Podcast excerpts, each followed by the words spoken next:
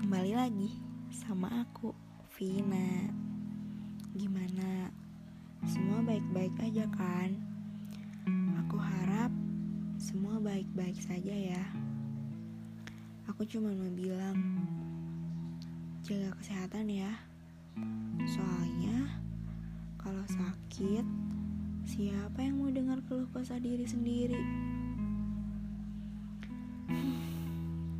Kadang selalu merasa dunia gak berpihak sama kita. Merasa capek karena harus nanggung semuanya sendiri. Merasa semuanya salah kita. Merasa apa yang kita lakukan selalu kurang, bahkan merasa gagal.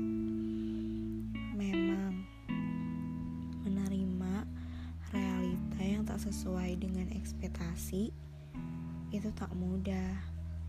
Namun, kamu harus belajar, belajar sabar, belajar nahan emosi, belajar kuat. Kamu tahu kan, semua otak dan haluan ada di kamu. Jadi, untuk sekarang, coba deh belajar. Belajar memikirkan apa yang akan dilakukan untuk sekarang, besok, dan nanti. Enggak semua cerita harus berakhir bahagia. Kadang cerita harus berakhir dengan makna agar kita paham. Untuk sekarang, sabar dulu ya. Cerita indah akan datang di waktu yang indah. Kamu tahu kan, kalau pelangi datang sehabis hujan deras? Memang sulit menerima cerita yang tak kita inginkan. Eh, tapi tahu nggak? Dulu aku adalah orang yang paling egois sama diri sendiri. Karena aku nggak pernah mau dengar apa yang aku rasa. Aku merasa bahwa mengeluh artinya aku gagal, menangis artinya aku lemah, dan jika aku berhenti, artinya aku kalah.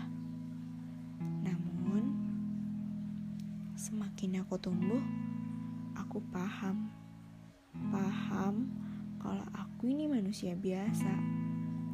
Ternyata manusia itu perlu untuk mengeluh, perlu untuk menangis, dan perlu berhenti sejenak. Bukan, bukan kalah, hanya sedang lelah. Jika menangis membuatmu tenang, maka menangislah. Jika teriak membuatmu lega, maka teriaklah sekencang-kencangnya. Namun, satu hal, jangan pernah menyerah. Kalau kamu menyerah, siapa yang mau lihat pelangi yang indah nanti? Siapa yang mau lihat senyuman bahagia orang tuamu nanti? Jadi, jika lelah,